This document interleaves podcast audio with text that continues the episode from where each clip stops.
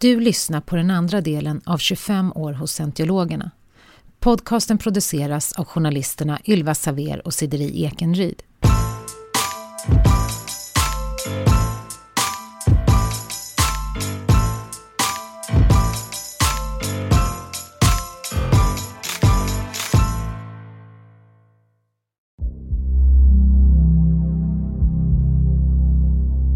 Inte du gör det nu så kommer du aldrig att göra det. Jag visste bara att så var det liksom.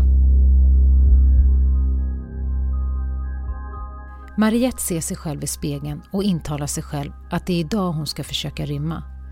Det är den 31 mars och hon har varit medlem i Scientologerna i 25 år. Under den tiden har hon fött en son, skilt sig från sin första man och träffat en ny man, Dan, som lyckades rymma tre månader tidigare. Kommer du dö här? Vill du det liksom? Jag pratade nästan med mig själv. Och sen um, tog jag min lilla ryggsäck och bara gick rakt igenom den här. Vi jobbade på en snickerifirma. Eh, och utanför låg det en stor parkeringsplats och det fanns ett fönster. Och därigenom hade jag sett att en buss gick fram och tillbaka. Den här bussen som gick fram och tillbaka.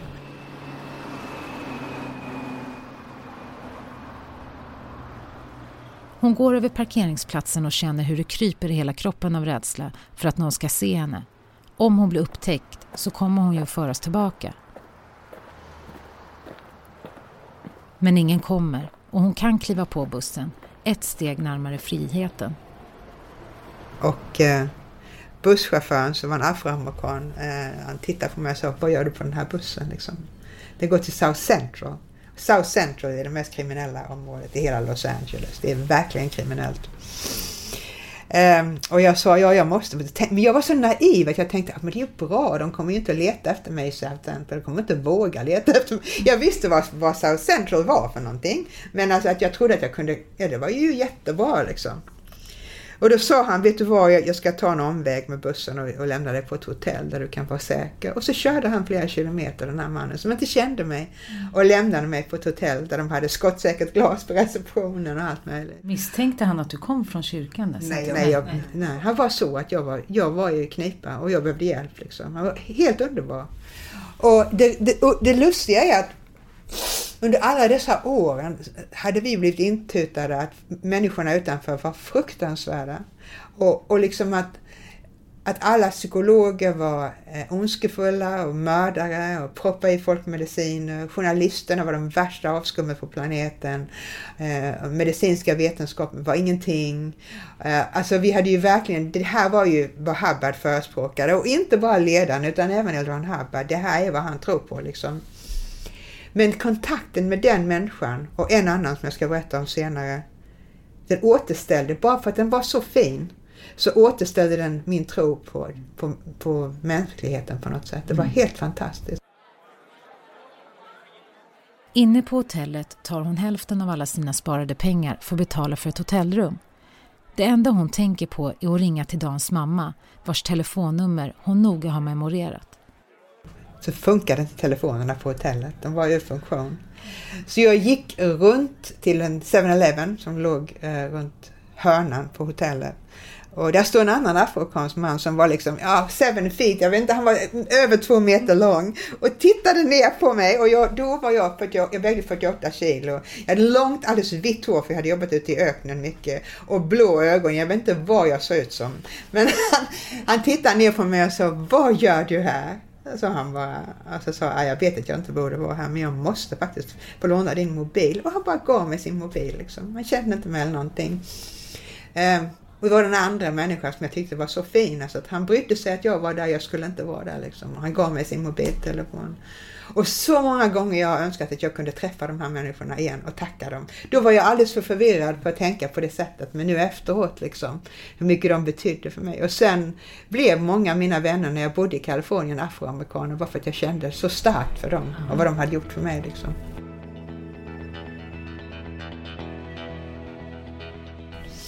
Hur som helst så eh, ringde jag Dan som satt hemma i San Francisco hos sin mamma. Lyckligtvis var det baseball säsong.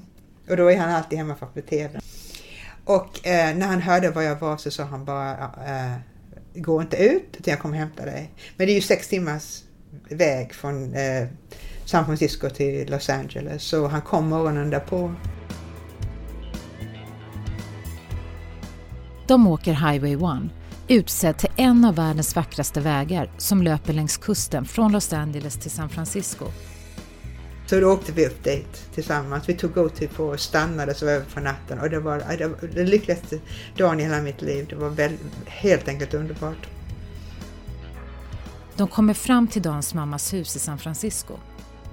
Och hon var den, den tredje människan som var helt underbar som bara tog hand om mig och sa att du får bo här till du hittar någonting. Liksom.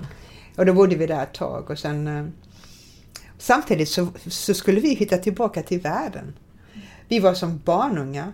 Alltså, jag, jag, kände mig som 19 när jag rymde, även om jag var 45 eller 46. Precis, 45. Um, ehm, för att jag hade inte gått igenom det här livet, alltså att ha ett vanligt jobb, att ha ett huslån, barnen, dagis, allt det där. På något sätt så hade jag bara, jag hade inte förändrats. Jag klädde, vi klädde oss som på 80-talet i början. Vi, alltså mobiltelefoner var rena science fiction och internet. Så vi, vi, först och främst är det ju så vackert i San Francisco. Och det var ju nevig vår. Alltså, så det gjorde mig väldigt lycklig. Och sen samtidigt så var det det här att upptäcka världen igen. Och jag var väldigt, alltså ingenting, ingenting hann ikapp mig i San Francisco. De vet att under en veckas tid kommer de att vara eftersökta. Om de blir hittade så riskerar de ju att bli kidnappade tillbaka. En vecka går och de vet att nu kan de känna sig säkra så länge de inte går ut och pratar offentligt om det. Om man talar ut, det är då man ger sig, de ger sig på en. Och det gjorde jag ju inte på många år efter att jag hade rymt. Vid det här laget är Mariettes son kvar i rörelsen. För att om man, om man har varit med i en sekt länge så har man hela sitt liv i den sekten. Vi hör Staffan Rosander igen. Han jobbar vid Stiftelsen Fri, en stödförening för människor som förlorat vänner eller anhöriga till en destruktiv rörelse. Och då, då finns det alltså fyra kärlekar så att säga. Det första är då kärleken till sin partner, make, make maka eller något sådant. Eh, oftast är man gifta. Eh, och eh, om, om den andra parten då är kvar i sekten så är det ju ganska tråkigt att hoppa av och, bryta det här banden. Sen har vi en, en nästa nivå, det är eh, barn och, och släkt. Va? Och då hoppar man av så bryter man med dem också. Också ett trauma. Va? Sen har man vänner i sekten och man har gjort sig av med dem som man tidigare hade. Så att hoppar man av så blir man av med sina vänner. Och för det tre, fjärde ska jag säga så kanske det finns en hel del i sektens lära, sektens ideologi som man faktiskt tycker om och som man då mer eller mindre går miste om om man hoppar av. Så att hoppar man, hoppar man av från en dag till en annan så är det nästan ett socialt självmord. Va? Eh, med andra ord måste man bygga upp ett, nätverk utanför sekten lite grann så att man inte hamnar i ett vakuum. Men sen, sen det, finns det andra saker. Va? Man kanske man kanske hoppat av sin, sina studier, man kanske eh, har hoppat av sitt jobb för att man eh, jobbar för sekten istället mot en eh, blygsam betalning då, så att man hålls vid liv. Eh, sen kanske man också har bott ihop eh, med sekten. Det gör man ju många ställen. Så har man ingenstans att bo, man har inget yrke, man har ingen utbildning. Va? Den utbildning som man eventuellt har fått i sekten är ingenting värd utanför. Va? Så att man har alltså ett socialt självmord och ett ekonomiskt självmord om man hoppar av från en dag till en annan. Så man måste förbereda sig, alltså bygga upp saker och ting så att man vet var man hamnar om man hoppar av.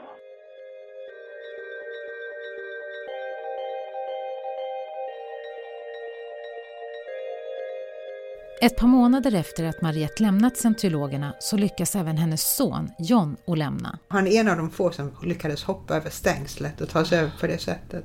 Och sen gå genom öknen. För att grejen var ju, om man var över stängslet, det räckte inte därför att du var mitt ute i öknen.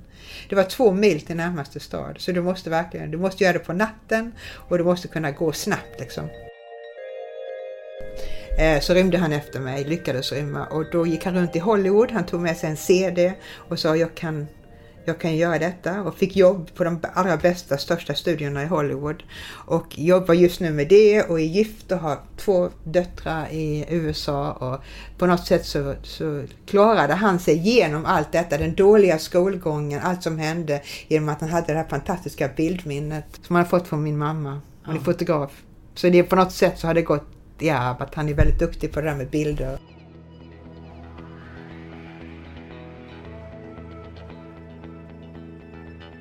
Han har lagt sin historia bakom sig och vill inte prata om det som har hänt. Han har börjat ett nytt liv. Grejen med John är att han ville aldrig någonsin prata om det som hade hänt med mig. Han vill bara lägga det. Det var nog att jag påminde honom om allt förtryck och liksom som hände där. Utan han ville bara lägga det helt bakom sig, börja om på nytt. Och det har han gjort. Med råge. Jag menar han har två stycken jättefina barn, jättefin fru, ett fantastiskt, väldigt välbetalt jobb det som mycket gör att de mår dåligt. Vi hör Staffan Rosander igen. Det är för det första att de kanske har, genom att ta avstånd från sin familj, sina vänner och så vidare känner en stor skuld va, mot dessa personer.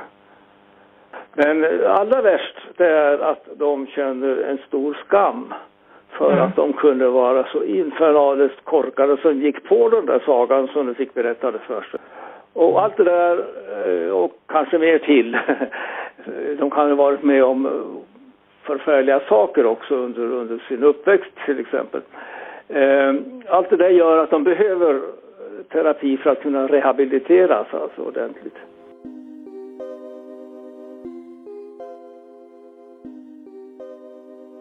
På utsidan får Mariette en större förståelse för hur barnen har haft det. Det fanns ett motto på den här skolan och det var att vad som händer här stannar här. För att vi då sa de till barnen var så stressade och överarbetade och viktiga exekutiver och de fick inte ta med sina problem till oss. Så när vi träffade dem så skulle de vara glada och positiva. Och därför fick vi aldrig reda på vad som egentligen hände. Ett poddtips från Podplay. I fallen jag aldrig glömmer djupdyker Hasse Aro i arbetet bakom några av Sveriges mest uppseendeväckande brottsutredningar. Går vi in med hemlig telefonavlyssning och, och då upplever vi att vi får en total förändring av hans beteende. Vad är det som händer nu? Vem är det som läcker? Och så säger han att jag är kriminell, jag har varit kriminell i hela mitt liv men att mörda ett barn, där går min gräns. Nya säsongen av Fallen jag aldrig glömmer på Podplay.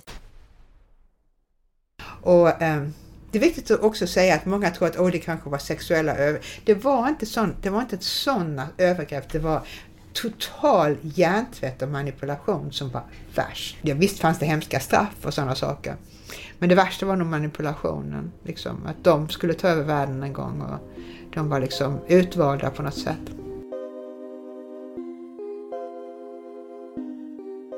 Eh, barn, det som, det, scientologins synpunkt på barn är att de egentligen är vuxna i en liten kropp. Och man ska inte dalta för mycket med dem. Så de fick göra kroppsarbete ute i, ute i öknen, i hettan och sådana saker. Och sen så fanns det sådana straff som att, ja, det värsta straffet var liksom om de verkligen hade varit eh, olydiga, att de slängde isvatten över dem när de sov. Bara för att ge dem en chock liksom. Sådana hemska saker. Det var verkligen, eller att man blev inlåst på något ställe där man skulle vara liksom och begrunda saker. Men inte så mycket fysiska eller sexuella övergrepp som man, man kanske kan tro. Det värsta övergreppet sexuellt mot barnen, det var att de inte de fick ens tänka på det när de blev tonåringar. Att det var skambelagt, utom för ledaren såklart, och att eh, man inte fick gifta sig för man hade, eh, man fick inte ha sex för man hade gift sig. Och barnen blev galna Därför att de hade hormoner som bara alltså, rusade i kroppen och det är klart att de ville flotta och ha fysisk kontakt med killar eller tjejer och det var helt förbjudet och till och med att tänka på det var förbjudet.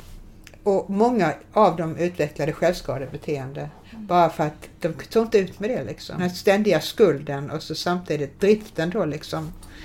Um, så det tycker jag själv att det, det var det värsta mm. övergreppet alltså sexuellt mot dem. Efter några år i San Francisco börjar Mariettes föräldrar hemma i Sverige och bli gamla. Hon och Dan är i Sverige varje sommar och han känner att han verkligen vill flytta. Så vi eh, flyttade hit och eh, nästan den första långa, kalla, mörka vintern fick jag fruktansvärda mardrömmar. Då kom allting tillbaka, det var han i kapp på något sätt. Och eh, jag började drömma att jag var tillbaka i sekten men det gick inte att drömma och rymma. Och det var alltid samma, olika versioner av samma dröm som kom tillbaka. Och det blev värre och värre. Jag fick panikattacker mitt i natten när jag drömde det här. Och kunde, jag, jag kunde inte dra mig ur den här drömmen och undra, är det sant? Är jag, lev, är jag, är jag fri? Är jag där liksom? Och i den vevan så pratade jag med en journalist som heter Lawrence Wright och han, eh, han är också Pulitzerprisvinnare. Han är väldigt, väldigt duktig författare också. Och han skrev en bok om scientologikyrkan och ville inte intervjua mig och först sa han nej, jag vill inte gå ut offentligt. Men till slut så övertalade han mig och då började vi prata och han började säga att det är faktiskt din plikt att tala ut om det här. Du har jobbat så högt upp och du vet så mycket och det är faktiskt din plikt att tala ut. Och du kanske inte gillar det, ja men tough shit sa han liksom. Det bara är så att att du måste göra det. Och jag tyckte han var orättvis. Men eh, då pratade vi också om mina mardrömmar och till slut så sa han att eh, ditt liv låter som en thriller faktiskt. Skriv en thriller. Skriv en thriller, alla andra skriver sina biografier. Skriv en thriller om hur det är att vara i en sekt och ta sig ur. Och det var så idén föddes för mina böcker helt enkelt. Och då bara slutade jag mitt jobb och bara, jag hade inte mycket pengar men jag hade så jag kunde klara mig i sex månader och så skrev jag min första bok, Sekten på dimman. Mm. Och jag hade ju tänkt att jag skulle gå se en psykolog för de här mardrömmarna men när jag började skriva, det blev min terapi och det tog bara ett par månader så försvann, eller kanske några veckor bara, så försvann mardrömmarna och de kom aldrig tillbaka. Mm. Utan det var på något sätt att det var väldigt befriande att ta en annan person. I det här fallet min karaktär Sofia Baumann, det är hon som är personen i mina böcker, huvudpersonen. Och så sätta henne i samma situationer som jag hade varit i. Och se och jag skrattade och folk säger, jag fattar inte, du har kunnat skrattat när du har skrivit de här hemska böckerna. Men jag skrattade åt hur, hur, hur fel mina beslut var. Och jag, vad jag kunde ha gjort istället. Liksom, Nej, gör inte det liksom. Um, och det var väldigt befriande. Och jag uppskattade också hur absurt en del av de grejerna var. Som jag inte tyckte alls var absurda då, men jag, jag kunde se dem utifrån. Mm. Alltså hur, hur fruktansvärt absurt det var det som var hände. Mm. Och de här straffen och sakerna som hände, alltså hur verklighetsfrånvänt det egentligen var. Så det blev min terapi samtidigt som jag kunde upplysa andra Idag har Mariette kommit ut med tre kriminalromaner som är baserade på hennes erfarenheter från tiden i scientologikyrkan. När hela ens liv tas bort ifrån en. Och man har ingenting att säga till om, man kan inte ens gå på toa utan att stå och vakta utanför dörren. Och man får inte äta vad man vill, man får inte dricka vad man vill. Man får inte andas frisk luft, man får inte känna solens värme. Och jag ville skriva en bok som, som, som förklarade hur, hur fruktansvärt det är att göra det mot en människa. Eh, men en sak som händer med en när man är i en sån situation är att allting förlorar värde och livet krymper bara till en stor önskan att få träffa dem man älskar igen. Man bryr sig inte om att man ska ha ett fint liv när man kommer ut eller tjäna pengar. Att bara få träffa dem man älskar, det är allt man bryr sig om i en sån situation. Mm. Och det lärde jag mig också mycket från det här. Att, att, att uh, uppskatta de fina små ögonblicken i livet som kanske inte är så storartade mm. men som är så vackra. Men tänker du någonsin på de som är kvar där? Ja. Och vad tänker du då? Det är det sorgligaste som finns. Ja. Det, jag blir så ledsen när jag tänker på dem. Eh, jag tänker på dem därför att jag tror att anledningen till att jag lyckades man kan säga att du var kvar 25 år, men alltså det krävdes väldigt mycket att ta mig därifrån jag var till att rymma och komma ut. Och jag tror att det är för att jag alltid hade blivit uppfostrad att tänka kritiskt att det var min rätt att tänka kritiskt. Att det inte bara var någonting som jag skulle göra, men att det var min absoluta rätt som ingen kunde ta ifrån mig. Eh, och ifrågasätta saker. Och det var därför jag hade ett litet tvivel hela tiden som gnagde på mig. Och ibland var det lite som ett sandkorn och ibland var det väldigt stort.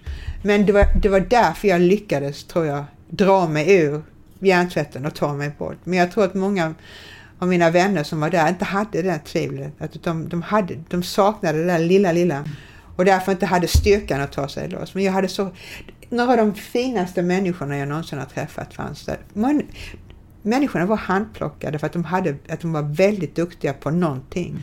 Eh, Så det, så det var så fina människor som fanns där och jag saknar dem. Och jag undrar, hur kan de vara nu efter så lång tid? Sen är det ännu sorgligare att eh, Sankt Lugikyrkan är ju ganska mycket emot medicinska saker. Och, och, när man blir sjuk så är det ofta så att de, ett straff du har dragit på dig. Du ska be, bearbeta det mentalt, inte fysiskt. Och jag har haft några väldigt fina vänner som har dött av cancer som jag vet där. Som, jag, jag tror inte de har fått rätt behandling, jag vet inte men liksom det, det är väldigt svårt. Och din exman i New York där, hur går det för honom? Eller hur? Ja, han är fortfarande lika hjärntvättad. Det är liksom ingen skillnad på honom. Och han, det sorgliga med min exman det är att han har brutit all kontrakt med min son. Och sen så har han, min son har två halvsyskon, systrar. Med, min man var gift med någon annan innan och han fick två döttrar. Och i och med att de har backat John, sin halvbror, alltid och tagit hand om honom och så. Eh, och banden med dem är ganska starka så har min exman valt att bryta kontakt med dem också. Mm. Så han har inte någon kontakt med sina barn längre. Självmant, alltså självvalt. Och har skrivit till dem att jag vill inte ha någon kontakt med er längre. Mm. Väldigt, väldigt sorgligt. Mm. Men de syskonen var inte involverade i scientologikyrkan? Jo, lite men inte sådär djupt utan eh, när de växte upp så blev de då var de inte engagerade längre. Jätteframgångsrika, fina tjejer. Mm.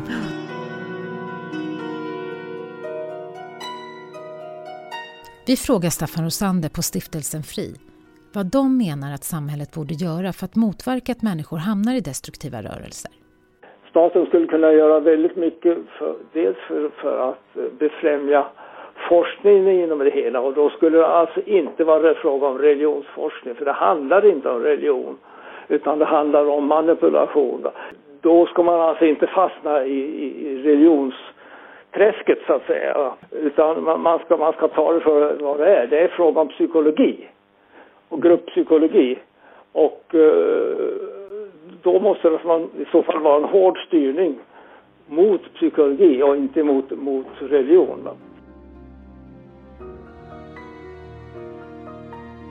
Vad finns det då för råd till de som vill lämna? Mariette förklarar att om en nära anhörig eller familjemedlem är allvarligt sjuk så kan man få dispens för att åka hem för en period. Jag kommer ihåg när jag var riktigt desperat och önskade att, jag, mina, att mina föräldrar faktiskt skulle låtsas att en av dem var sjuk så jag skulle kunna komma ut. Alltså sådana tankar hade jag liksom. Och att sen inte ge sig på personen utan verkligen ha ett riktigt samtal vad som händer. Och det, tanken är när de väl kommer ut att de kommer att känna att någonting är fel. Liksom, när de kommer ut därifrån. Liksom. Mm. Du måste få ut dem därifrån. Du kan inte gå in dit och påverka dem. Det, det går inte. Mm. Din mamma och din pappa och dina syskon, de förstod ju och sa redan till dig, du, du hamnar i en sekt nu. Försökte de kontakta dig, ja, nå dig? Ja, det gjorde de. Och det var också så att mina föräldrar reste inte, de skulle aldrig resa Men min morbror, de, när min morbror skulle till Kalifornien, för jag hade en kusin som också bodde där, då, då skickade mina föräldrar dem för att kolla att allting var okej. Okay. Och då svarade de i receptionen och sa att jag var inte anträffbar. Jag var inte där. Och jag var ändå där. Jag kunde ha träffat dem då. Det har nu gått 15 år sedan Mariette lämnade scientologikyrkans högkvarter i Kalifornien. Vi undrar om det finns något av läran som hon fortfarande tror på. Alltså jag är lite grann så här att när jag kom ut så började jag kolla andra saker. till slut så gjorde jag en slags slutledning, vilket är att Hubbard... Två saker. Det första är att Hubbard tog en massa grejer och plockade ihop det och skapade en religion. Och allt det där finns någonstans. Vi trodde att oh, det här är unikt, men det är det inte. De här troerna, sakerna och lärarna, de, de fanns redan någonstans. Um, så, så, det var liksom den första saken som, som jag kände att, att, att det här kunde jag ha fått ändå utan det. Och den andra saken som jag lärde mig, det är att många säger att oh, ledaren tog över, förstörde och läraren är så bra, men det är den inte. Och de här policyerna som finns om hur medarbetare ska behandlas, allt det skrevs av Eldon Hubbard. Det är inte så att det var en dålig ledare som kom dit och så blev allting, utan ondskan låg redan i de texterna som fanns. Och det förstod jag också när jag kom ut efteråt. Mm. Så jag är inte en av dem som säger, oh jag tror på läraren men det är bara Miscavige fel. Nej, jag tror inte det. Mm. Jag tror att det redan det var ruttet från början.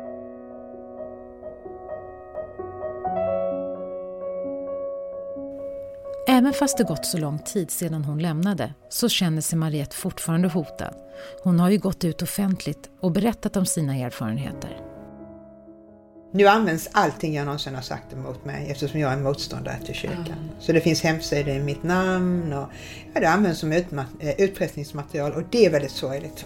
Känner du dig hotad till livet? Inte till livet, men jag känner mig hotad. Jag är mer orolig att det ska hända någonting med de personerna som jag verkligen älskar. Att någon ska göra någonting mot dem. Jag känner mig definitivt hotad. Speciellt när det går bra för mig. Då, då blir det extra starkt tryck liksom från kyrkan eller när jag har varit mycket på TV och sådär. De hackade min dator, tog sig in i manuskriptet för min andra bok. Jag fixade precis det. De förföljer mig när jag går till bokmässan. De som filmar mig hela tiden. Och filmar mig till exempel med författare som jag älskar som jag vill inte att de ska bli filmade av scientologikyrkan så det är inte så obehagligt för mig som det är obehagligt för de som, eh, de som, jag, som jag tycker om. Liksom. Jag vill inte att de ska bli indragna i det på något sätt. Alltså kyrkan anlitar ju alltid lägre stående medlemmar eller personer för att göra det smutsiga jobbet. De skulle ha smutsa ner sina händer själva. Eh, det har ju hänt att någon gett sig på mig. Och eh, jag har en regel, vilket är att jag hanterar det när det händer. Jag oroar mig inte för det. Till exempel när jag flyttade till Sverige då hade vi någon som strök runt trädgården. Då skaffade jag tre stycken hundar eh, som skäller olidligt men bara när det kommer någon till trädgården. Och då visste jag att jag alltid var trygg i mitt hus. Att jag visste att när det kom någon. Och de har jag kvar fortfarande. Vi har flyttat nu. Uh, och där vi bor nu så jag vet att ingen kan ta sig dit utan att mina hundar känner att de är där. Liksom. Så har jag jättefina grannar också som skulle varna mig. Mm. Och sen när de hackade min dator då skaffade jag bara ett alltså jättebra säkerhetssystem för min dator. Um, så jag tar det lite grann när det, när det händer. Mm. Det, det, är mer sådana saker. Jag vill inte att, att, mina vänner ska bli utsatta för det. Mm. För det är inte rätt. Liksom. Jag vill inte att mina författarvänner ska bli fotograferade på bokmässan av Scientologer till exempel. Mm. Sådana saker är obehagliga för ja. mig. Eller att de ska göra någonting mot mina hundar. Det skulle mm. liksom vara, ja, det, skulle vara fruktansvärt. Mm. Sådana personer som inte ens har haft någonting att göra med det mm. ska inte få lida. Det, det tycker jag inte. En sekt är någonting abstrakt, eller hur? Det är någonting som väldigt få, drabbar väldigt få procentuellt sett. Men jag tror att 90 procent av människor drabbas av något liknande. Det är vad som händer i en sekt. Ett misshandelsförhållande, en mobbningssituation, um, det kan vara en, en, ett jobb där du har en chef som kör med härskarteknik. Uh, och att det här är mycket viktigare än det här med sekter.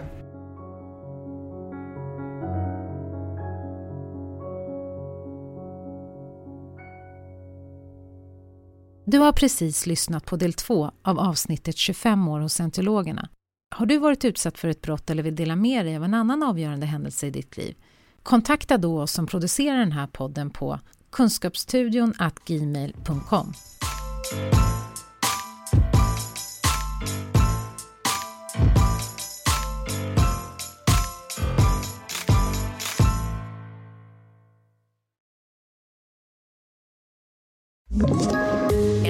poddtips från Podplay. I fallen jag aldrig glömmer djupdyker Hasse Aro i arbetet bakom några av Sveriges mest uppseendeväckande brottsutredningar går vi in med hemlig telefonavlyssning och, och då upplever vi att vi får en total förändring av hans beteende. Vad är det som händer nu? Vem är det som läcker? Och så säger han att jag är kriminell, jag har varit kriminell i hela mitt liv men att mörda ett barn, där går min gräns. Nya säsongen av Fallen jag aldrig glömmer på Podplay.